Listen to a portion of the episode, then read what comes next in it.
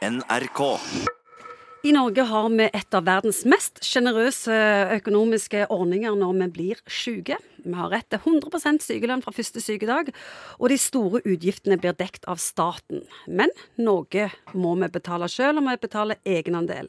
Beløpet i år er 2369 kroner, og Morten Munkvik, når det beløpet er nådd, så får du frikort. Ja, det gjør du. Hvordan fungerer det? Du får det helt plutselig tilsendt i posten hvis du har betalt disse 2000 hva var det du sa? 2369, er Ja. det? Ja. For det beløpet endrer seg fra år til år, men i år, i 2019, så er det det. Um, når du har betalt det i egenandeler til lege, eller til psykolog, eller til medisiner og sånne ting, når du har betalt det, og da får du det du må betale etterpå, gratis. Og så er det noen som får dette automatisk gratis.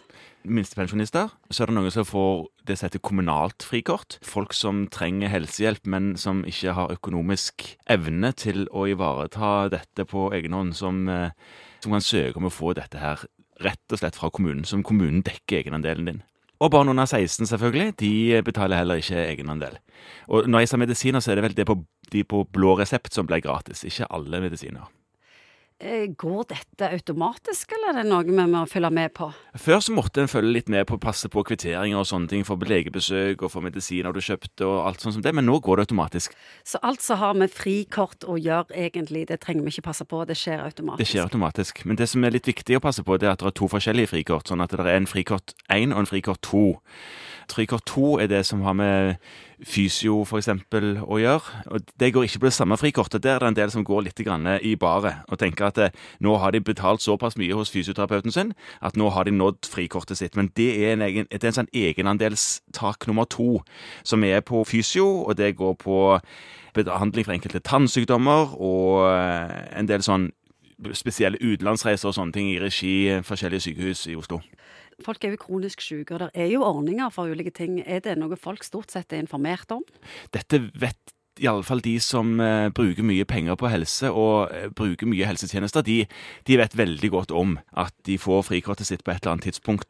Noen er jo veldig fornøyd med å si 'yes, i år fikk jeg ikke frikort', sant? for det har vært et godt helseår på en måte. Mens andre sier 'ja, i, da, i, i år er det skralt'. Ja, ikke sant? Jeg, jeg, jeg, jeg har allerede fått frikort. Det er ikke bra. Sant? Men sånn er altså ordningen, og det er jo for å sikre at det ikke er økonomien som skal stoppe folk i å få god hjelp.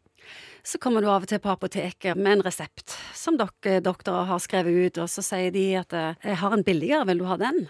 Og så er det en helt annen medisin. Ja, ikke sant? Det de har, det de sier vel, det er at hvis du vil ha den som står på resepten, så må- du betale mer, men jeg har en som du kan få veldig billig. Ja. Og da er det sånn at det legemiddelfirmaet som brukte penger på å forske fram medisinen og gjøre eh, kliniske tester og markedsføre det og sånne ting, de har på en måte rettighetene til den medisinen en viss periode, og så går de rettighetene ut, og da kan alle legemiddelfirmaer og produsenter, hvis det er en relativt rimelig medisin å lage, produserer den samme og selger den. Og da vil apotekene kunne kjøpe den mye billigere enn den originale medisinen og selge den til befolkningen. Det er nøyaktig samme kjemiske stoffet, så medisinen er den nøyaktig den samme. Det er rett og slett dumt å la være. Ja, det er helt unødvendig å la være. Enkelte ganger, veldig sjelden, så er det sånn at den medisinen du får tilbudt, føles annerledes enn den originale. Det er veldig sjelden, men det skjer, og da kan du snakke med legen din om det. Hvis du har lyst til å spare penger på å handle om medisin i utlandet, eller, eller det har vært medisinmangel sånn som vi har hatt i Norge nå en periode, virker da resepten i Norge i utlandet? I utgangspunktet ikke det. Nå kommer det til å bli endringer på disse her tingene her, etter hvert som man kommer liksom mer inn i sånn direktiver som er i EU og EØS og sånne ting, at det, det skal bli lovlig å bruke resepter fra Norge og i utlandet. Men det er ikke gitt at det vil funke sånn som det er nå. NRK.